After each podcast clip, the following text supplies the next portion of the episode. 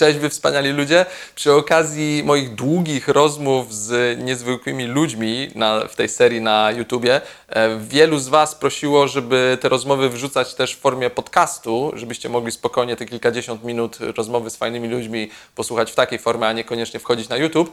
Więc e, proszę bardzo, spełniam Wasze życzenie i od teraz e, wszystkie nowe rozmowy, jeśli będą miały po kilkadziesiąt minut, będę też wrzucał nie tylko na YouTube wersji długiego filmu, ale też do podcastu Niezwykli Ludzie. Niedługo też uzupełnię, e, uzupełnię ten podcast o poprzednie rozmowy, będziecie też mogli ich posłuchać, więc jeśli lubicie podcasty i wybieracie taką formę audio, to proszę bardzo, oto ona. Dzisiaj pierwszy odcinek tego nowego podcastu Niezwykli Ludzie i Klaudia i Krzysztof z tandemowe Triple Off, czyli ta dwójka zwariowanych osób, która wzięła swojego psa, zapakowała go na przyczepkę do roweru i pojechała 8 tysięcy kilometrów od swojego domu, żeby, żeby przeżyć jakąś przygodę, która trwała chyba tam 9 miesięcy. Więc proszę bardzo, dzisiaj tandemowe Triplow, a niedługo kolejne odcinki podcastu i kolejni niezwykli ludzie. Miłego słuchania, trzymajcie się, wy ludzie. Cześć! Nazywam się Klaudia Jadwiszczyk. E, jestem fizjoterapeutą e, z pasji, hobby, instruktorem survivalu, i no właśnie bardzo dużo też pracuję z młodzieżą, przez co wszystkie nasze działania też są nakierunkowane na to, żeby im tego jak najwięcej sprzedawać, dostarczać fajnych atrakcji. E, nazywam się Krzysztof Lewicki, e, jestem instruktorem survivalu. E, moją pasją są podróże, uwielbiam pracę z dziećmi. Teraz akurat pracuję w Śląskim Ogrodzie Botanicznym jako specjalista od edukacji, a z wykształcenia jestem grafikiem komputerowym. Pracowałem przy dużych gazetach, pełnię funkcję dyrektora artystycznego. Dobra, to najpierw pytanie do Ciebie Krzysiek, bo to w ogóle połączenie jakieś kosmiczne. E, jak to się dzieje, że grafik komputerowy zaczyna być instruktorem survivalu? No tylko chyba z tego powodu, że miał tą pasję i potrzebę bycia bardzo blisko natury, a większość życia wychowywał się na Akademii Obrony Narodowej, więc bliskość żołnierzy, bliskość lasu yy, i możliwość wyjeżdżania za Warszawę, jednak to to potęguje i gdzieś budzi w człowieku taką potrzebę bliskości z naturą. Mhm. Ale to jest trudne, e, żeby, no bo grafik komputerowy to jest zawód, który teraz się zajebiście ma, mhm. E, na pracę raczej graficy nie narzekają, na rozwój też nie ma się, rozwojem też się nie ma co za bardzo przejmować, tak. a, ty, a ty to zamieniasz w coś, co jak rozumiem jest trudne, jest trudne do przekucia w zawód. Tak, ale jest w pełni satysfakcjonujące i daje taką możliwość rozwoju osobistego i za pomocą nawet survivalu i pracy z dziećmi, tak, czy z, można innym dać szansę pokazać, że coś jest możliwe e, i do, do, trochę dać siebie, takiej możliwości, zabrać, zabrać tych ludzi do taki świat e, lasu, przyrody, a nawet podróży. Ale to właśnie myślę, że to jest taka trochę forma ucieczki z tego przybicia, przykucia do laptopa znaczy, do lasu. Wiesz, ja to tak. rozumiem, to jest super, nie? W mhm. sensie, jeśli potrzebujecie czegoś, to, tak, to jest tak. super. Tylko mi głównie chodzi o to, że jak to zamienić w zawód, jak z tego żyć, no bo, bo, bo jednak na końcu trzeba, na końcu miesiąca trzeba zapłacić rachunki, wiesz, pasja pasją, super, ale Szukamy swoich dróg, szukamy, więc to rzeczywiście świat gdzieś tam dyrektora artystycznego w super dużym wydawnictwie w Warszawie, teraz to edukatora w Śląskim Ogrodzie Botanicznym. Ale nie, nie, nie, jak najbardziej to Ale... jest adekwatne porównanie i mi, mi, mi, się ogólnie podoba i mnie to w pewien sposób satysfakcjonuje, tak? Mm -hmm. Tutaj możemy to Właśnie, więc. E, każdy z nas szuka jakiejś tam drogi e, i tak jak tutaj wcześniej wspomniałeś, prawda, formy y, dowartościowania finansowego po to, żeby móc później przestać w swoim życiu czegoś, tak, żeby to zmaterializować. Y, ja na jakimś tam etapie swojego życia y, to wszystko gdzieś tam miałem, ale uważałem, że mi czegoś brakuje. I teraz poszedłem w stronę, w której mi czegoś, tego, to coś znalazłem, czy co mi brakowało, więc ja się w tym świetnie czuję. I tu już nie liczą się te pieniądze, liczy się ta bliskość z ludźmi i współpraca i możliwość w pewien sposób kreatywnego oddania siebie. Ja tak to widzę. Ale to rekompensuje, wiesz, e, pewnie trochę mniej dostatne życie, więcej problemów i tak dalej? E, czy mniej dostatnie? Na pewno, tak? Bo tak jak Ty wcześniej wspomniałeś, graficy komputerowi nie zarabiają mało, tak? Jasne. E, ale coś za coś, tak? A sama podróż pozwoliła mi przyzwyczaić się, nawet z Klaudią, jak tam byliśmy gdzieś daleko, do tego, że jednak ten całe, e, cała elektronika, te wszystkie rzeczy, które nas otaczają dookoła i jednak nas atakują, są niepotrzebne, bo można sobie w normalny, fajny sposób egzystować. I to pokazali nam ludzie tam daleko na północ, że można żyć bardziej dostatnie e, i w, w lepszy sposób niż tutaj na miejscu z tym wszystkim. Okej. Okay. Tak. ale uciekacie tak, e, to jest taka ucieczka od cywilizacji, czy... No bo wy jesteście otwarci y, na, na technologię, no siedzimy tu, gadamy No o tak. otoczeniu aparatami i tak dalej, nie? E, swoje, swoje podróże staracie się jakoś tam relacjonować i tak dalej, więc to nie jest tak, że chcecie się odciąć totalnie od cywilizacji, to jest... To może inaczej, to Klaudia mogłaby tutaj powiedzieć, To jest... jedno pociąga drugie. No właśnie, to jest rzeczywiście... E, sprawa ta jest bardzo skomplikowana, bo oczywiście wolimy być zupełnie w naturze, w tej dziczy, cieszyć się nią e, i nie, nie przejmować się tym, że o, trzeba by było wrzucić coś na Facebooka i zróbmy zdjęcie, zróbmy jakiś materiał. Czasem nas to bolało, że od tego piękna byliśmy sprowadzani na ziemi właśnie tą, tym troszeczkę przymusem bycia równocześnie e, w, gdzieś tam w tych soc- social mediach. E, I to jest tak strasznie skomplikowane, bo to są dwa światy kłócące się. My wolimy jednak ten czysty, ten swój własny, prywatny, taki intymny, bez kamer, bez internetu. Ale tutaj właśnie się pojawia to, o czym też wcześniej mówiłeś. Jak tu, jak, znale- jak stworzyć tą drogę, żeby ona dawała też Ci korzyści finansowe, czy po prostu... Że żebyś- można było się realizować, tak? Że Tak. można było to stworzyć, tak? I- Tutaj Tak, tak. I żeby rzeczywiście łączyć troszeczkę tą pasję podróży, survivalu, takiej edukacji młodzieży, tą ścieżką przygody, no to trzeba być w tym internecie. Taki jest teraz ten świat, więc też musimy się do niego dostosować. Dlatego użyliśmy tych narzędzi, dlatego e, weszliśmy w ten świat internetowy właśnie te- też z tego względu, który zarówno daje, otwiera nam nowe drogi, nowe ścieżki, em, poszerza horyzont, uczymy się też, to jest dla nas cały czas trochę obcy świat, ale uczymy się bardzo, bardzo chłonnie i chętnie. No i to, to tak naprawdę napędza jedno drugie, ponieważ teraz chcemy iść do lasu, chcemy coś pokazać y, i, i przez to, że ktoś tam nas obok obserwuje, to tak naprawdę nas do tego e, motywuje, więc dzięki temu możemy odkrywać więcej, robić więcej. No, nawet tutaj, tutaj tak cały czas rozmawiamy, tak? Nawet sam e, reportaż, który e, nagrywamy, służy czemuś, tak? Żeby, żebyśmy, żebyśmy mogli się pojawić, żeby ktoś mógł nas odkryć, tak? I tak samo na przykład jest z wiedzą, którą gdzieś tam mamy. Tak samo tam daleko na północie e, Lud Samów, tak? E, ma tą swoją wiedzę gdzieś, którego, gdzieś tam u nich gdzieś tam żyje, prawda? Oni żyją sobie z nią e, codziennie, e, ale muszą się w jakiś, w ten, muszą się w jakiś sposób nią podzielić, tak? E, I my możemy się też tylko podzielić za pomocą mediów e, społecznościowych, jakichś tam nagrań i, i to jest chyba jedna z form, Reportaży, reportaży i forma. Ja dobrze rozumiem, że to jest taka trochę droga dojścia do robienia tego, co po prostu lubicie w życiu? Myślę, że to jest próba. Tak, taka próba, Tak? tak, tak. Próba tak.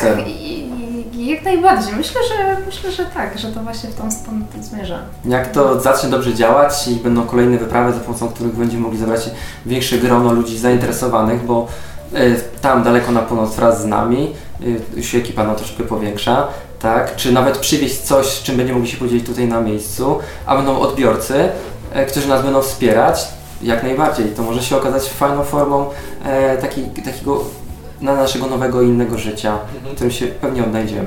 No dobra, to jeszcze pogadajmy chwilę o tej kwestii organizacyjnej. E, jak to się w ogóle stało, że wpadliście na taki pomysł, na jaki wpadliście? Jak zabraliście się w ogóle do organizacji? Wiesz, dla mnie to jest temat zupełnie obcy.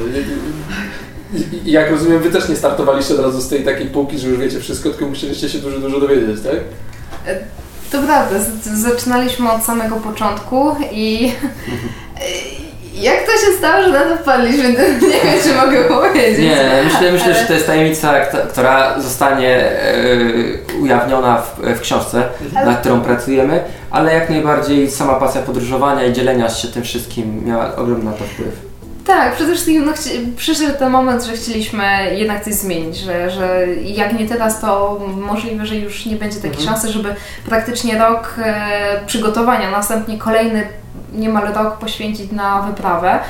Mm, dlatego ruszyliśmy z kopyta i faktycznie te przygotowania tak trwały prawie rok e, i to była taka rzeczywiście błądzenie trochę po omacku, takie dużo czytania, dużo, dużo dopytywania się ludzi, naprawdę taki, to był taki drugi etap, bo wracaliśmy z pracy, szliśmy do kolejnej, bo trzeba było zarobić pieniążki, więc w pewnym momencie każdy z nas miał po trzy etaty, no, dosłownie na trzy różne fronty jechał, a jeszcze po drodze były te przygotowania.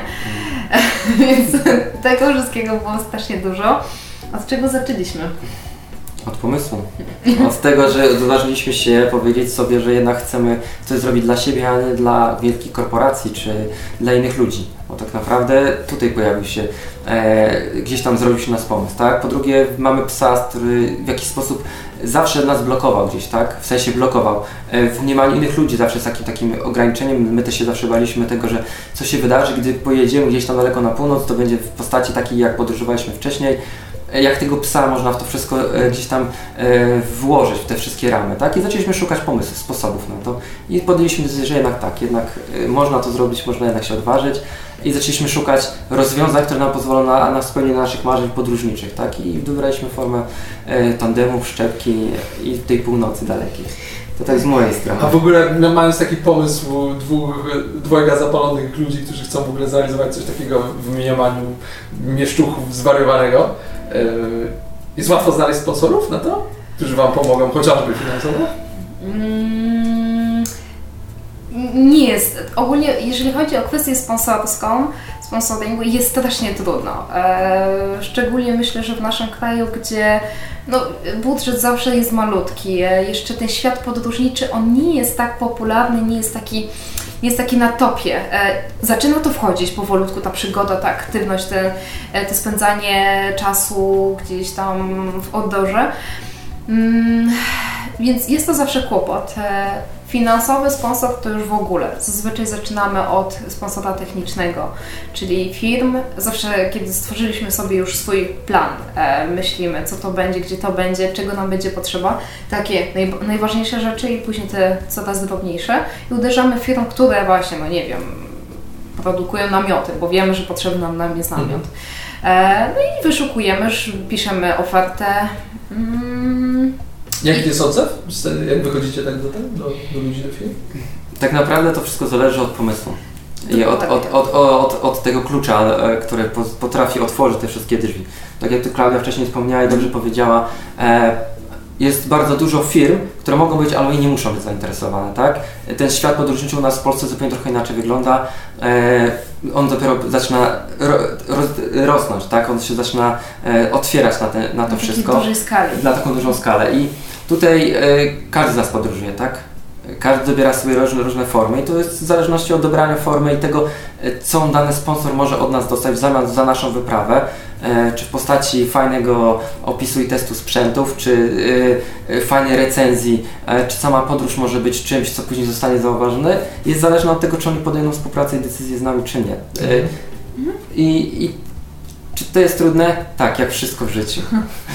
tak, no na pewno trzeba mieć jakiś taki, oh, jakąś tą iskrę, że to jest naprawdę ciekawy projekt, który który firma chce zainwestować i to, co Krzysiek mówił, czy to, co zrobimy, czy to, co im oferujemy, im się opłaca. No, musimy sprzedać swój produkt. Tak naprawdę to jest pewna, pewna rodzaju, jest to współpraca z daną firmą, więc e, zawsze jest e, produkt za produkt, czy jakaś tam usługa. Tak nawet jak sama podróż, tak? No przecież my podróżując, tworząc blog, bloga, czy czy e, jakąś formę przekazu dla ludzi, którzy tam są po drugiej stronie, oni jednak oczekują, tak? I każdy coś w tym wszystkim odnajduje w, w tej naszej podróży, tak? Jedni podróżują, bo nie mogą wyjść z domu, e, podróżują razem z nami, inni nas wspierają, inni e, mogą nawet hejtować i widzieć w tym coś dziwnego i przerażającego może, ale to jest już, to jest właśnie ten cały świat, tak? To jest, to jest pozytywne i negatywne strony i tak samo tutaj.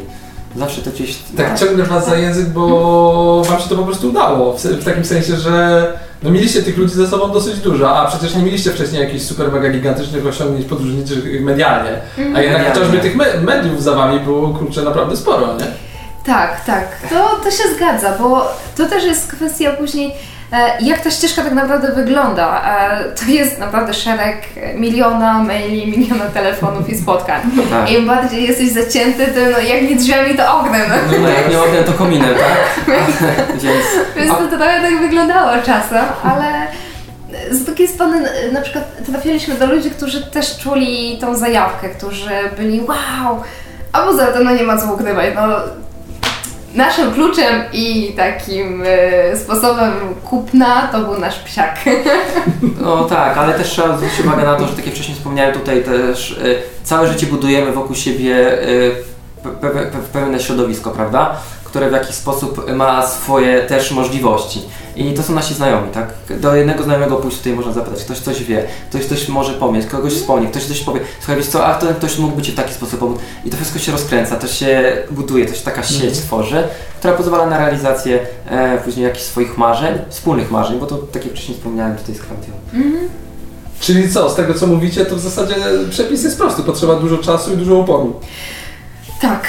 I bardzo ciekawej inicjatywy, bardzo ciekawego takiego e, coś, co naprawdę faktycznie zatrzyma e, tą, tego naszego maila na stosie innych maili z prośbą o wsparcie, bo to jest tak jak CV, no nie wiem, grafików w kraju jest wyprodukowanych milion.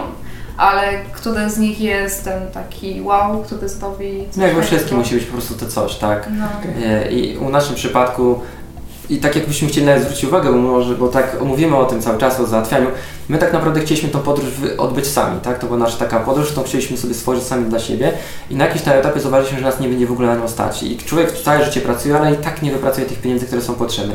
I tutaj w tym momencie to musieliśmy sięgnąć otworzyć i e, do, po furt, w taką, otworzyć taką furtkę i sięgnąć właśnie po sponsorów, a żeby po nich sięgnąć i, i, i żeby oni nam pomogli, musimy e, dostać możliwość e, wykreowania się medialnego, więc to Czyli takie jedno ciągnie drugie.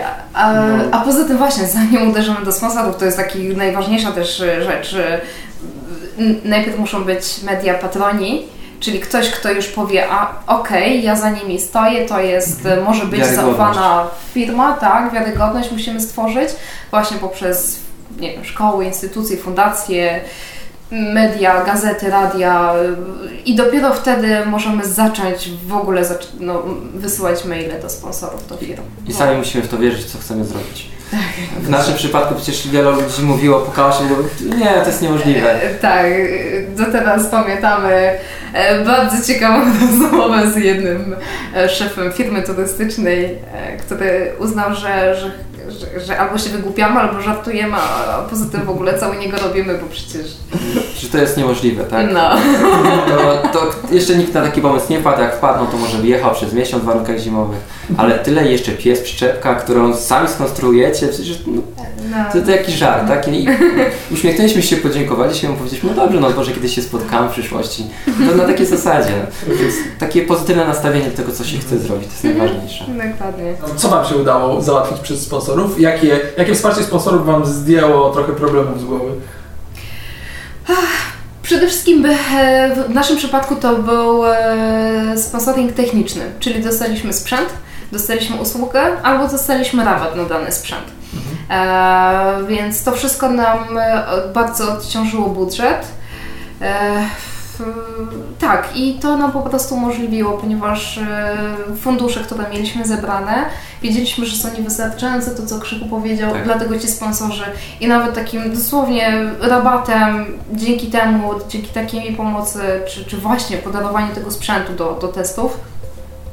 Pozwolili nam i dali nam możliwość próby podjęcia wyzwania, które sobie gdzieś tam założyliśmy. A po wszystkim byli zadowoleni? W sensie macie tych sponsorów nadal ze sobą na kolejną wyprawę? Wydaje mi się, że tak. Tak? Nie, na pewno. E, Część, część sponsorów już tam uprzedziliśmy o pomyśle jeszcze nie wszystkich. e, Tak. Zobaczymy. No, tworzą się pomysły, sponsorzy są, tylko tak naprawdę my potrzebujemy teraz czasu na to, żeby, tak jak zawsze po jakimś powrocie gdzieś do domu, e, trzeba po kolei wszystko po prostu e, uporządkować sobie i my teraz to robimy, więc to też może jeszcze Jeszcze jesteśmy zagrzebani, musimy przyznać, że... Nawet mamy Polaka Potrafił, który na jakimś tam etapie naszej podróży się pojawił, bo mieliśmy jakieś tam zdarzenie, to więc też tutaj porządkujemy w tej kwestii wszystko, więc no tak jak powiedziałem, no nas jest dwoje i tutaj my musimy po prostu podzielić sobie obowiązki. Mhm. Jasne. Nie spodziewaliśmy się, że to faktycznie no, sama przed wyprawą, w trakcie jak i po, to jest, to jest no, pełen etat, nawet Mhm. dwa. Dokładnie. No dobra, to porozmawiamy wreszcie o tej wyprawie. E, powiedzcie, powiedzcie, jaki był plan. E, no, zacznijmy od tego. Jaki był plan, jaki mieliście pomysł? Chodziło o to, żeby mm, wyjechać zimą na rowerze tandemie z dużym psem, 50-kilogramowym, e, co łączyło się z giga przyczepką mm, za koło podbiegunowe do Skandynawii, do Laponii. E, Myśl była taka, żeby zdobyć to zimą, przetestować swoje umiejętności Dokładnie. żeby poznać się, mieszkać i naprawdę zaprzyjaźnić z pierwotnym ludem e, Laponii, czyli samami, którzy mają fantastyczną kulturę, tradycję. E, chcieliśmy od nich po prostu zgadnąć jak najwięcej jechać z tym psem, czyli włączyć tą naszą przygodę życia, tak, że członka naszej rodziny, za którego odpowiadamy, E, I przy okazji tego, co robimy, pokazać ludziom, że jest to możliwe, że da się, nawet w taki sposób, czyli gdzieś wakacje w Grecji wcale nie muszą być e, przeszkodą dla psa, bo można go wziąć ze sobą. Mhm. Sama idea tej podróży, prawda, z tak dużym psem, bo często ludzie pytają, prawda, dlaczego ta przyczepka, dlaczego ten pies? Tutaj Klaudia dobrze wspomniała. Ludzie często biorą swojego zwierzaka do domu, czy to jest kot, czy to jest pies i na jakichś etapach swojej podróży albo planowania swojego życia boją się tego, że ten pies będzie dla nich ograniczeniem, czy jakieś zwierzę, tak? I tu chcemy pokazać i, po, i pokazaliśmy, że nawet w tak trudnej formie, prawda, jaką y, się podjęliśmy, e, nie trzeba rezygnować ze swoich marzeń, tak? Można trochę pocierpieć, bo byłoby lepiej nam zrzucić te 100 ileś kilogramów, które ciągnęliśmy za sobą, plus jedzenie i założenia, które e, nas blokowały tam na miejscu, prawda? My, będąc nawet w samym namiocie, techniczne sprawy związane z tym, że na przykład jest bardzo zimno, no mogliśmy zostać w tym namiocie, gdyby nie było psa, my musieliśmy jednak wyjść z nim, bo pies nie wie o tym, że musi zostać w tym namiocie. Jest wiele takich aspektów, które się łączyły i z trudnością tej wyprawy i sama właśnie ta wyprawa miała temu pokazać, że jednak biorąc zwierzaka do domu, trzeba być świadomym tego, co się chce w życiu zrobić i po co się tego ma, tak? Mhm. I już wszystko pod niego podporządkować, nie na zasadzie, bo ja muszę, tylko ja chcę. Mhm. E, I to ta, ta podróż miała temu właśnie e, służyć. A aspekt survivalu, o którym Klaudia wspomniała, czy nawet podróży, którą chcieliśmy, on się właśnie w tym wszystkim łączy. Połączenie wszystkich tych trzech rzeczy w całość, prawda? Mhm. A czemu taki kierunek akurat? Bo oboje kochamy zimę. E, Krzychu marzył o Syberii całe życie i gdzieś tam cały czas marzy dalej.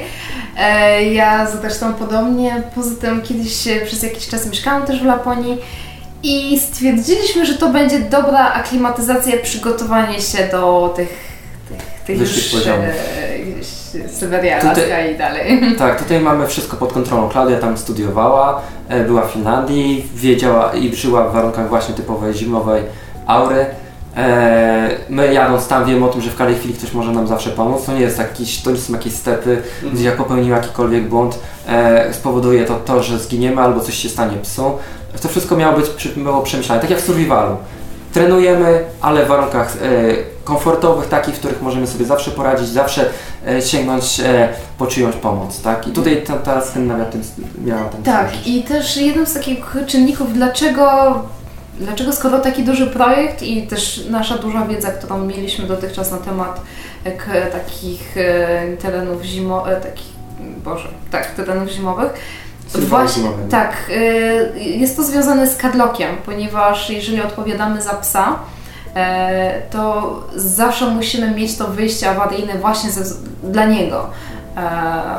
I dlatego ta Skandynawia. Jeszcze tak bezpiecznie z uwagi na psiaka ponieważ e, też zdajemy sobie sprawę, że no na Alaskę kadloka już nie weźmiemy, to nie jest ten wiek. E, poza tym podróż samolotem i tak dalej, i tak dalej. Więc no nie odważylibyśmy się. Po prostu, to tak. blisko, bezpiecznie, ale wciąż naprawdę może dać duże wyzwanie. Szczególnie w takiej formie, jaki to zrobiliśmy, bo to, to każdy dzień to była walka o przetrwanie. Co było największym wyzwaniem? E, szczerze mówiąc? Ciężar. Myślę, ciężar. że ciężar, który... I kierowcy. No my często jadąc samochodem teraz patrzymy się na siebie i mówimy, Boże, jak my w ogóle przeżyliśmy e, te całe praktycznie 9 miesięcy w tej drodze, bo te tiry nadjeżdżające, e, kierowcy, którzy gdzieś tam pogubili swoją wyobraźnię, e, zawsze byli dla nas dużym zagrożeniem, nawet byliśmy zepchnięci, wisieliśmy jednym kołem nad przepaścią, wow. wyprowadzaliśmy rower, wiele, takich sytuacji było wiele, których można by było opowiadać, a nawet, opowiedz, opowiedzcie trzy najlepsze. Trzy najlepsze, a, a nawet idąc dalej, prawda? Czy ja te wesołe, ja nie chcę o tych smutnych. Tak, ja tylko... Dwie wesołe, jedną smutną. Dobrze, tak jeszcze, żeby dokończyć jedną rzecz. E, tam Klaudia wspomniała, że nawet e, ta cała podróż do Skandynawii miała być bezpieczna jest pod kątem psa, tak? E, mieliśmy zdarzenie, które było w Szwecji, gdzie Kadlokowi łapa gdzieś padła między grunt to znaczy jakiś tam kamień, mech był, on tego nie widział, przewrócił się i leżał. I my już wtedy, na tamtym etapie, gdzie byliśmy od Helsinek chyba 600 km, mieliśmy już problem, widzieliśmy o tym, że to będzie duże wyzwanie, chociaż mieliśmy już zaplecze, my już podzwoniliśmy, wszystko przygotowaliśmy, żeby go stamtąd zabrać, tak, bo tam inna jest forma leczenia zwierząt, e, tam szybciej zwierzę się usypia e, niż się leczy, więc e, nawet tak mała odległość już była dużym wyzwaniem, więc zabieranie i jechanie w, w tereny, których nie znamy, jak Syberia czy Alaska, która dla nas jest nieosiągalna, bo nie znamy tej e, przestrzeni, no byłaby to jednak dla nas trudne. Y, Takie trzy najciekawsze. Jest to jest zawsze problem tak naprawdę, ponieważ em, tak, tyle było ich, a zarówno e, od, o Hiku. To, to zależy pod jakim kątem. Każdy No z nas ma inne, inne podejście Dobra, do... ale na pewno macie coś takiego, że jak ktoś was pyta, powiedzcie coś najciekawszego, to od razu wam coś przed oczami. Wydaje mi się, że śmiga. najcieka- wy, wydaje mi się, że najciekawszą historią, którą, którą, o której zawsze mówimy na galerach podróżniczych, na jakichś spotkaniach, to jest y, spanie w takim, nie wiem, takiej wiacie, takim, takim domku na siana, gdzie obok nas buszowały renifery, było minus chyba 20, bodajże, tam może nawet więcej. E, Kalok się interesował reniferami, po lewej stronie była główna trasa, gdzie pędziły tiry jak przyjeżdżało, bo to słuchać było jak trąbiły na renifery. E, Po prawej stronie była duża łąka, w której były olbrzymie głębokie zaspy, taka mała dróżka, która prowadziła między nimi, ale się kończyła i nagle, nagle się pojawiały te zaspy, bo tam były te domy gdzieś tam dalej zasypane przez śnieg. No i poszliśmy się spać, spaliśmy w nocy, nasza wyobraźnia zawsze gdzieś tam człowiek próbuje się przygotować i zapobiec czemuś, tak? Tak nasze przy, przed wyprawą też tak było. No ale się położyliśmy, zamknęliśmy wiatę, nie pomyśleliśmy o tym, że jednak byłoby fajnie przywiązać kardoka do nogi albo gdzieś do czegoś, bo mogą te renifery jednak się pojawić, podejść do, do nas, bo no chciały coś zjeść. No i tak się stało. E, godzina Gdzieś chyba trzecia w nocy, aż dzień polarny, no to wszystko było jasne. No, drzwi się otwierają. Tylko usłyszeliśmy zgrzyt uciekający ogon Karloka, więc zanim wy, wy dostaliśmy się z tych śpiworów, e, to No. trochę minęło. Tak, i biorąc pod uwagę to, że inaczej się śpi, prawda, przy jakiejś tam temperaturze, byliśmy w bieliźnie, e, byliśmy na Bosaka, mieliśmy jedną wizję. Albo Kadok poleci w lewą stronę z reniferami, renifery uciekną z trasy, gdzie pędzą tiry i popsie mamy, albo ucieknie w prawą i będzie ok, tylko tyle, żeby nie musieli go pogonić. Ale to pierwsze, co się włącza, to taki instynkt ratowania psa i reniferów. Tak? No i więc wybiegliśmy z tego domku, patrzymy skręcie w prawo, no to biegniemy za nim, biegniemy, biegniemy, biegniemy. Włosek stopał po śniegu przy minus 20. Przebiegliśmy jakieś 250 metrów, dobiegliśmy do Kardoka, a dlaczego dobiegliśmy? Dlatego, że on wskoczył w tą zaspę i utknął tak, prawda? Wbił się, renifery przeskoczyły, on został, wzięliśmy go i wróciliśmy na Bosaka, parzyły nas nogi, śmialiśmy się do siebie, byliśmy szczęśliwi, uchachani, bo już te zagrożenie gdzieś minęło, bo nie poleciał w tą lewą stronę, więc to było dla mnie takie Tak, fascynujące w ogóle przygód z Karlokiem i reniferami była cała masa. Gonitwa za Mm. Karlokiem, który gonił renifery, e, to była wieczna. No może nie wieczna, ponieważ tam czasem go oczywiście puszczaliśmy bez smyczy. E, czasem jednak wiedzieliśmy, jak będą tereny z reniferami, czy inną zwierzyną, czy wilkami niedźwiedziami, bo też takie były, no to wiadomo, Karlok musi być blisko nas. Ale takich pogoni to trochę odbyliśmy. No, to jest taki fajniejszy, prawda? E, Na pewno takie wesołe. tak. Były też, e, były też takie trudniejsze chwile, gdzie jednak myśl o tym, że jak popełnimy błąd, to to może być naszym ostatnim błędem. E, przede wszystkim chyba taka niebezpieczna dla nas była Norwegia, z tego co mi się, tak najwięcej takich niebezpiecznych momentów Ja mam- mam związanych z Norwegią. Ja mam Szwecję, ale to też tylko do książki. Kiedy wychodziłem z namiotu i myślałem, że już będzie po wszystkim. Ale to A czemu Norwegia akurat? Norwegia przez warunki akurat pogodowe, w, których, w które wpadliśmy. I niestety też e, aspekt właśnie znowu samochodów, autokarów e, i ta przygoda z tą kołem nad przepaścią właśnie była związana z autokarem, który dosłownie nas zepchnął z drogi przy zakręcie z górki. A też warte powiedzenia jest to, że tandem jest cholernie trudnym środkiem transportu.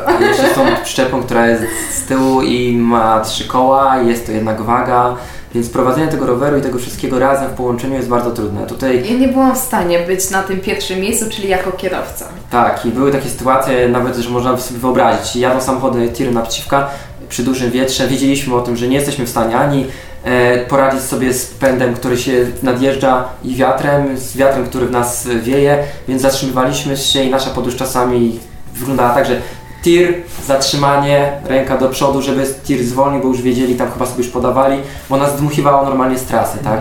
E, Nawet sobie można wyobrazić sytuację, w której tir tak szybko jechał, był tak duży wiatr, że ta luka między kabiną a przyczepą e, zwykłego rowerzystę wciąga, prawda? Ale my ważyliśmy około 380-400 kg i też nas wciągnął. Był taki moment, że ja jechałem raz i czułem tylko po prostu jak już wjeżdżam pod tego tira, nie miałem władzy nad rowerem, nad niczym. Właśnie, tandem bardzo trudno jest utrzymać fizycznie w ręce. Dla mnie to było niewykonalne, ja do teraz podziwiam Krzyśka i nie wiem jak to się stało, że on nas przez te 9 tysięcy, 8 tysięcy kilometrów przewiózł bezpiecznie przy Mogę? takich trasach. A ja nie wiem do tej pory, jak to jest możliwe, że Klaudia ani razu nie wyskoczyła z roweru jadąc z tyłu. Dlaczego? Dlatego, że jak przygotowywaliśmy tandem w Polsce i jeździli ze mną serwisanci, to każdy serwisant przy wchodzeniu w zakręt wyskakiwał mi z roweru. Nawet jeden w krzaki wpadł. Więc, więc bojąc się, bo nie miał, bojąc się tego, że nie ma wpływu nad kontrolą, nie, nie, nie mógł kontrolować tego roweru, powodowało jego dyskomfort. Klaudia w pełni mi ufała, więc Tak, wiele poślizgów, gdzie ona Ciężkie odczucie, które trzeba na początku przemóc i potem już jest w porządku. Teraz boję się, że jak wsiądę na rower sama będę musiała skręcać, to zapomnę o tym na skrzyżowaniu. Ale masz tak historię. odwróciło. No, właśnie wróćmy do tej historii. No i w każdym razie zjeżdżaliśmy z tej górki, która, która była troszeczkę taka zaśnieżona, gdzie mijał nas autokar, była to droga w dół e, i strasznie nas dopchnął do, do pobocza. Ale tego pobocza nie było, bo tak jak się kończył asfalt, tak się zaczynała po prostu przepaść i faktycznie e, przyczepą, która jest dosyć szeroka, zawiśliśmy nad tą przepaścią i tak jak rower, można by było po prostu jednym skrętem gdzieś tam odskoczyć i później nawet jak już ten autokar e, przyjechał, pojechał przodem, my cały czas jechaliśmy w takim pędzie i nie do końca byliśmy w stanie wyjść z tego, tylko po prostu musieliśmy bezpiecznie wciąż w miarę prosto przyjeżdżać, trzymając to koło w powietrzu, bo, bo nie było możliwości żadnego bardziej chodzi, to chodzi o to, że y, skręcenie taki gwałtowny jak zwykłym rowerem y, jest praktycznie niemożliwe, tak? Tu trzeba wyprowadzać go powoli jak samochód, tak? To jest duży pęd, jest górka, e, wjechaliśmy na teren, który był kamienisto, te, z trawą, ze wszystkim, więc tutaj rower nie trzymał się stabilnie i przyczepka. Więc tutaj tylko po prostu jak ja jechałem do przodu, wiedziałem o tym, wyliczyłem sobie, że mam szansę przeżyć, wiedziałem o tym, że jak zeskoczę z roweru, no to psa nie będzie, Klaudii nie będzie, Tak, więc po prostu jechałem i... Przyczepka pójdzie, to nas pociągnie, więc to Tak. rzeczywiście było kilka takich, że... No. Ty to teraz Klaudia opowiadasz z uśmiechem na twarzy, ale domyślam się, że w trakcie to była... To znaczy, to jest ogóle taki, taki odruch tak? obronny, tak, tak. E, Wiele, w ogóle to jest trochę zabawne, ponieważ kiedy opowiadamy, już odbyliśmy oczywiście kilka takich spotkań, jakie rodzinie przyjedzią, to e, wiele rzeczy nie opowiadamy, zapominamy tak naprawdę o, o Albo nie chcemy mówić, bo to jest zbyt e, mroczne. Ktoś by powiedział, Boże, co oni zrobili, tak? Nie, to nie jest tak. Codziennie nas spotyka. Ale właśnie wolimy to maskować uśmiechem, no bo no. tak. Ale Sam- mieliście jakiś taki moment, że chcieliście się poddać i wrócić? O, to Wiele. drugi dzień! Gdzie tak? Gdybyśmy powiedzieli, że tak nie było, to byśmy oszukali wszystkich. To nie jest tak. Było wiele momentów, kiedy właśnie dyskutowaliśmy, nawet taki ja, dla mnie taki moment najważniejszy, jak mogę powiedzieć, przed całym Nordcapem. Jak chciałem się oświadczyć Klaudii, wiedziałem o tym, że to będzie bardzo trudny odcinek, bo będzie wiód 27 km w górę. E, wszyscy mówili nam, "Bo- jak byliście tam wjeżdżać, to samochody tam wjeżdżają, mają problemy, e, bardzo im trudno jest wjechać, autokary już w ogóle, a, a wy jak chcecie tam wjechać? Wąska droga. No ja mówię, dobrze, no to jak nie wjedziemy to na górę, ja chcę się oświadczyć. Cały czas jadę z taką myślą, mówię, no to muszę to wcześniej podjąć, zadzwonić do mamy, nie na górze, tylko już wcześniej. No i był taki moment, gdzie już tam byliśmy chyba 10 km przed i, i nawet już miałem decyzję taką, że chciałem się wycofać, bo ten śnieg, te autokary, które się wyłaniały nagle, e, ta, ten trud, e, to zmęczenie w nas i kadloka było tak duże, że już stwierdziliśmy, chyba jednak nie, chyba jednak trzeba co już, że ten szczyt tam jest, mieliśmy tylko przy okazji jechać, nie udało się, zjedziemy, pojedziemy sobie do domu. By, bywały takie momenty. No dobra, ale to co się w takim momencie robi, żeby się jednak nie poddać, y, nie poddać jechać dalej? Uczymy się wzajemnie. To znaczy, Zaraz wytłumaczę. Y, To też, ale mm, ja tak trochę powiem o sobie, ale ja mam pewną nerwicę natręst. Nie potrafię zostawić sprawy niedokończonej. Po prostu, kiedy wyruszałam na wyprawę, to ja muszę dokończyć, no nie ważne w jaki sposób, ale nie, no to jest po prostu kwestia też takiego uporu i takiej zawziętości, wiary, że to się No uda. tak, tylko że wiesz, jak patrzysz śmierci w oczy, to rozumiem, że upór może Nie, ale, ale, ale to wtedy się po prostu minimalizuje Tak. ten stres, te wysiłki, bo jak mogę powiedzieć za siebie, tak, że w momencie, kiedy na przykład wiedziałem, że czegoś nie może, były takie momenty, kiedy wiedzieliśmy, że nas zaatakowała pogoda, tak, można by to nazwać, prawda, zmienność klim pogody tam, e, to wiedziałem o tym, że w pewien sposób jak się będę zachował, będzie wywołało to w Klaudii pewne poczucie opieki on, e, nade mną, tak, i ja będę reaktywował w niej ostatnie e, e, pokłady energii, tak, I my wiedząc przed wyprawą uczyliśmy się tego o sobie, bo byliśmy, żyliśmy ze sobą, więc ja wiedziałem o tym, w jaki sposób może, mogę w niej coś obudzić, a ona wiedziała, co we mnie może obudzić. Wiedzieliśmy, że wspólnie, jak przyjdzie jakaś tragedia, sytuacja, że na pewno jedno z drugim nie pójdzie o krok dalej, tylko się zatrzymamy, powiemy nam to jest niepotrzebne, my teraz chcemy położyć się spać. I wiele było takich sytuacji,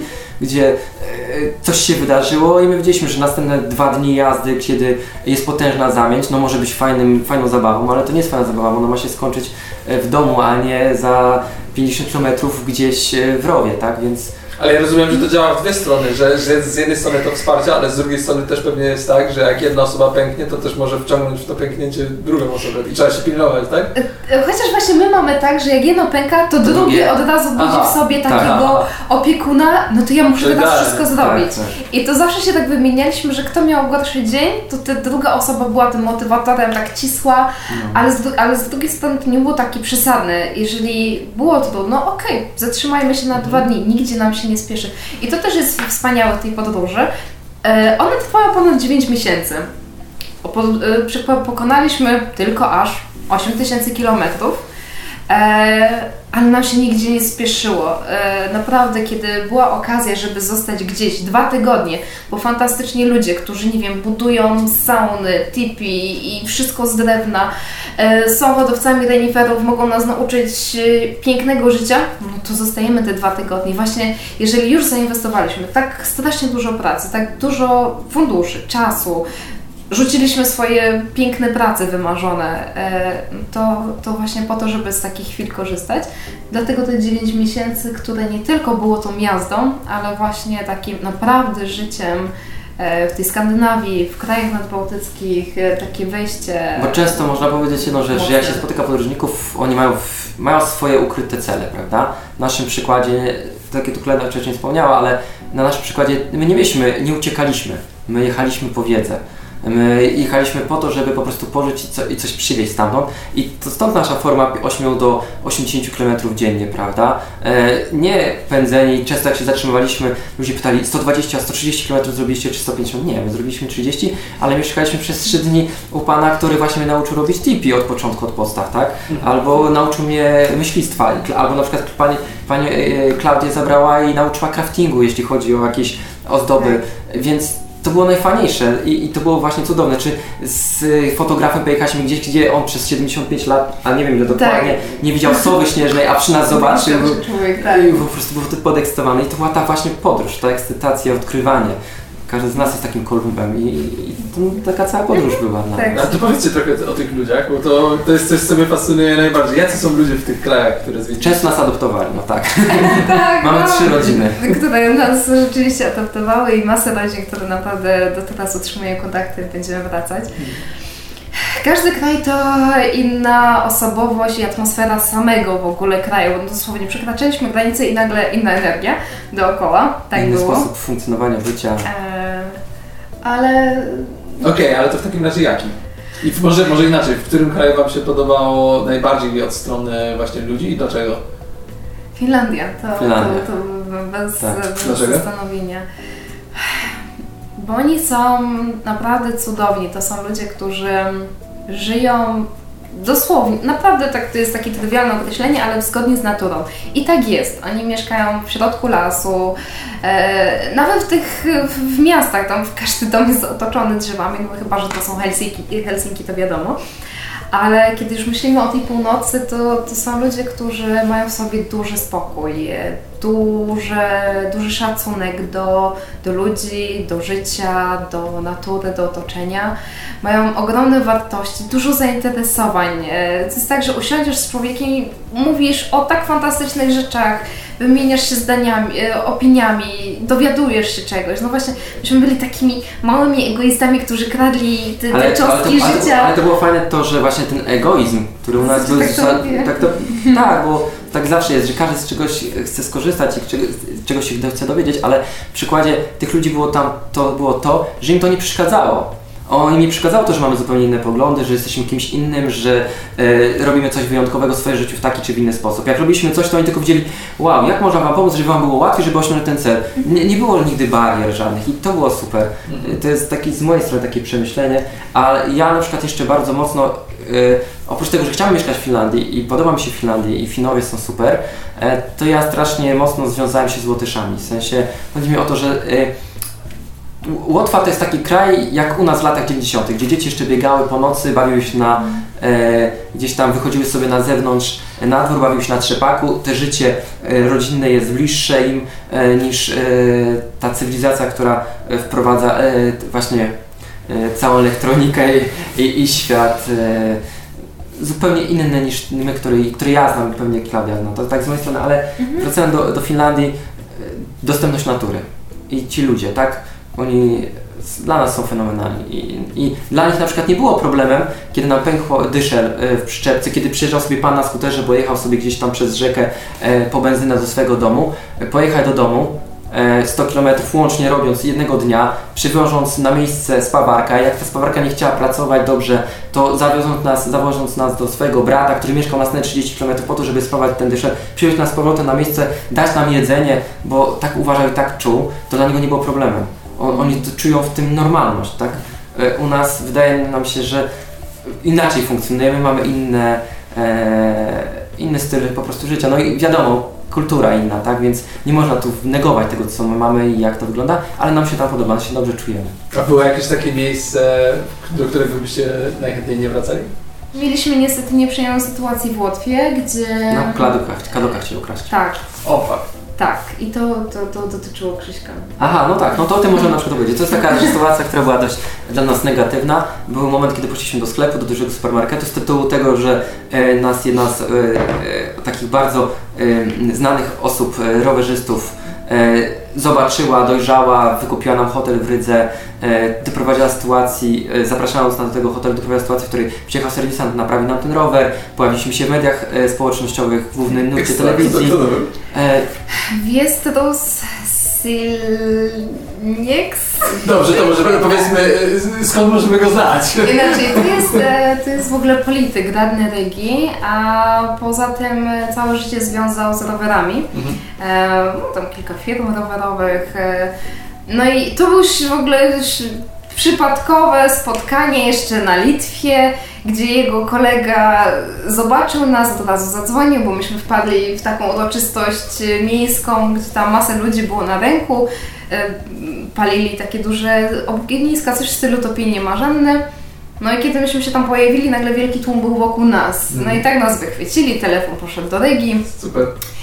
No i on jako z pozycji polityka, kogoś ważnego w ogóle w kraju i, i, i w mieście załatwił nam, nam dużo wywiadów właśnie dla telewizji, takich największych, radia, portali. Sam dostrzegł wyjątkowość tej wyprawy. Stwierdził, Tak. że robimy coś, co jest. O, co fajnie byłoby, żeby zostało w świecie Żeby rowerowym. to wesprzeć właśnie. Tak, fajnie. stąd ten No. hotel, stąd ten serwisant. No. No ale właśnie wróćmy do tego, do Market. tego No marketu. poszliśmy do tego supermarketu i właśnie, powiem to z kuli, po śląsku, e, z, e, z tego e, od razu nam się zainteresowały. Było takich 6-7 mężczyzn, którzy widać było wydzierani, łyso obcięci. E, zauważyli mnie po sklepie, jak Klaudia weszła do środka, wyszli na zewnątrz i z góry założyli, że to jest ich pies, tak? Próbując wymusić oddanie kadloka e, przy gronie ludzi, tak? Mówiąc, że to jest ich pies, że my go zgubili, że ja im ukradłem. Więc ja im powiedziałem, że to jest niemożliwe, że to jest mój pies, że, jestem, e, że jesteśmy na. Chcę, że chciałem powiedzieć, że jesteśmy na wyprawie, ale widać, że było do nich nie dociera. On był coraz bardziej agresywny, zaczął podchodzić, zaczął się do mnie mocno zbliżać.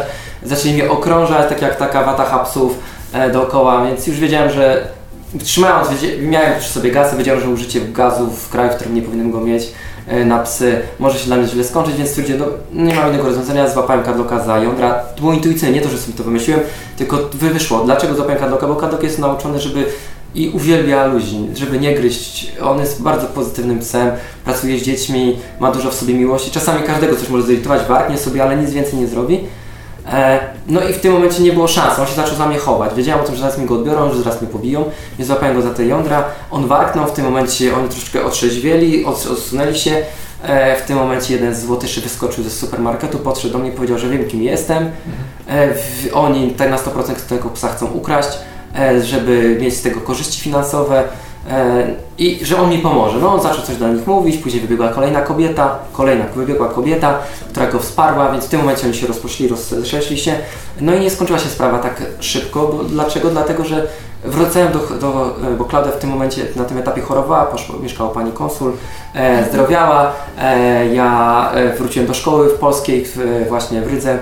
Gdzie Gdzie prowadziłem zajęcia, e, położyłem się spać, rano wstałem, zaczepił mnie pan od WF-u, zapytał gdzie jest kadlok.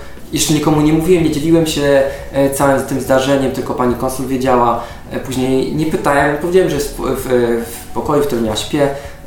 Później mnie zatrzymała pani dyrektor. W momencie, kiedy mnie zatrzymała pani dyrektor, stwierdziłem, że warto zadać pytanie, dlaczego pytają kadloka. Okazało się, że tego samego wieczoru e, ci sami ludzie znaleźli innego właściciela Malamuta, myśląc, że to ja, pobili go i zabrali mu psa.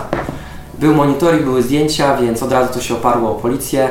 E, policja zadzwoniła e, do szkoły, rozmawiała z nami i raz panią dyrektor z nami podjęła decyzję, że jednak trzeba nas wywieźć w, w asyście kogoś z miasta, ale nie na zasadzie takiej, że ktoś będzie obok nas jechał, tylko trzeba nas wrzucić do tego samochodu, e, wywieźć za miasto i poczekać dzień, zobaczyć co się wydarzy, czy oni dalej nie posuną się, bo to jakaś bardzo niebezpieczna grupa, tak?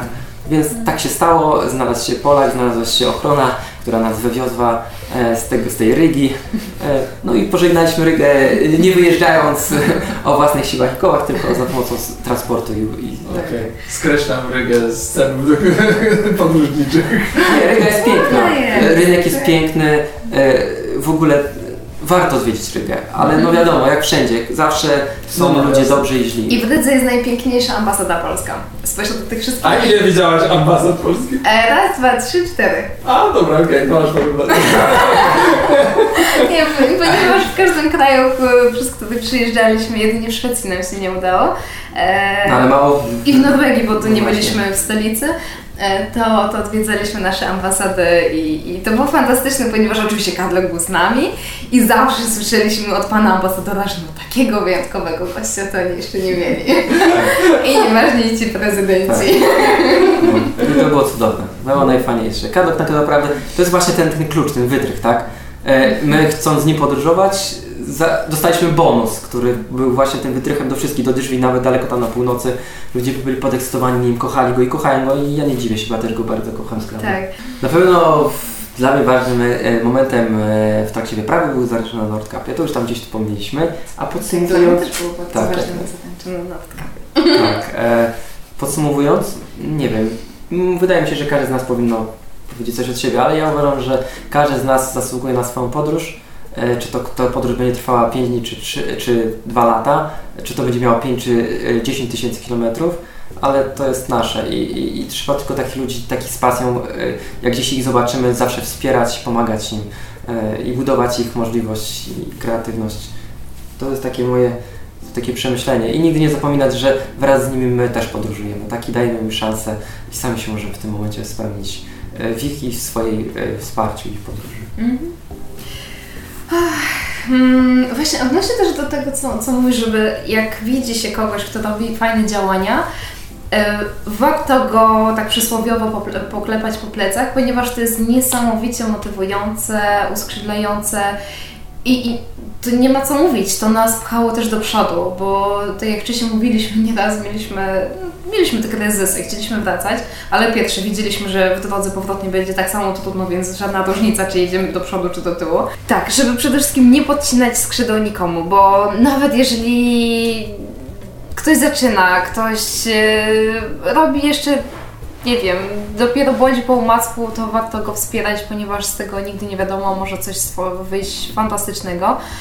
E, więc absolutnie nie podcinać skrzydeł wręcz, chwalić, chwalić, pomagać, wspierać. E, I, i, I tak jak w odniesieniu do podróżników, do nie wiem, rowerzystów, dać to przysłowiowe jabłko na ulicy, jak się widzi kogoś takiego smachanego na rowerze, bo naprawdę to jabłko nieraz uratuje ten dzień, uratuje życie y, i, i, i całą na, na, energię. Naprawdę energię. Tak, tak, bo to jest y, takie, takie oznaki wsparcia są no, niesamowite i bezcenne. Mhm. I taką myślą, która nam się tak naprawdę stworzyło podczas tej wyprawy, która trochę ją odzorowuje, to jest właśnie nie mów komuś, że coś jest niemożliwe, ponieważ on o tym nie wie. No I, tak. I tak było w naszym przypadku i wszyscy Żeby- mów... chociaż wszyscy nam mówili, to jest niemożliwe, to jednak nie, Powiedzieliśmy, że to jest możliwe. nie chcieliśmy słuchać i chcieliśmy sprawdzić, czy mają rację. Teraz wiemy o tym, że jakbyśmy mieli wsiąść i zrobić to samo, e, byśmy mieli duże problemy, e, bo już wiemy, co nas tam czeka, wiemy, z czym musielibyśmy się mierzyć, e, że są, jest zbyt duże ryzyko na jakichś tam etapach i to nie jest związane z naszym przygotowaniem, to jest współczynnik ludzki, który gdzieś tam się pojawia i on ma duży wpływ na to. Tak, z, mojej strony, jeśli Tak. chodzi o to, a Błoganie świadomości, ta tak? woda nieświadomość. Lepiej Tak. nie wiedzieć, co tam jest za rogi, o ile Tak, ale na przykład idąc dalej, e, to tak jak wcześniej zawsze na koniec też mówimy naszych galerii podróżniczych, e, ta podróż, wcześniej też wspomniałem o tym, ta podróż nie odbywała się sama, tak? Nie, nie wędrowaliśmy sami. My jesteśmy takimi e, dwoma ludkami z jadącym e, z, z psem w przyczepce, którzy gdzieś tam jechali, chcieli coś osiągnąć, ale osiągnęliśmy tylko dlatego, że ludzie układali nam kafelki pewne, tak? Dokładali się do nich, tak? Będąc tam po drugiej stronie, podróżując z nami, nie mogąc albo chcąc i biorąc nas przykład. Później e, w podróży mieliśmy sytuację, gdzie ludzie jechali z krańca świata, e, bo widzieli nas gdzieś na blogu i chcieli zrobić to samo, tylko zrobili to w lato. E, dojeżdżali do nas, mówili, Boże, jesteście mega niesamowici, jesteście inspirujący. To jest właśnie to. Inspirować, dawać możliwość innym i to, co Klaudia wcześniej wspomniała, nie podcinać i chwalić tych ludzi, którzy nawet przy, przymierzą te 5 km swoje, zdobędą na tą odwagę, wyjdą z tego domu, a, a, a wspierać tych ludzi tak samo, tych samych, którzy wykonują te 10 tysięcy kilometrów. I na tym samym poziomie utrzymywać e, podziwianie tej i tej wyprawy, bo każdy z nas ma jakąś, ma swój świat mały, tak, w którym może coś odkrywać, ale na swój sposób, tak, i trzeba tutaj jest odwagi, no, sama nasza podróż, y, rzucenie tej pracy, tak jak tu wcześniej wsp- wspominaliśmy o rzuceniu mojej pracy, Klaudii świetnej pracy w klinice w Żorach, e, powoduje to, że jedni mają tą odwagę, jedni nie. Jeśli jeszcze, jedni są jeszcze dojrzali na to i goto, nie, a inni nie są jeszcze na to e, gotowi, tak? E, Więc to wszystko ma taki głębszy sens. Najtrudniejszy pierwszy krok, a potem leci. Tak. Okej. Chyba, że się zwisa jednym kołem na trzymaście. Tak. Ale To naprawdę, też jakoś leci. do Na szczęście następnej wyprawy życzę Wam błogiej nieświadomości w takim razie. Dziękuję. Teraz one są z większą świadomością przygotowywane, chociaż wtedy też były, tak? Tutaj tylko były jakieś czynniki ludzkie, tak jak wcześniej wspomnieliśmy, które spowodowały pewne problemy. Tak.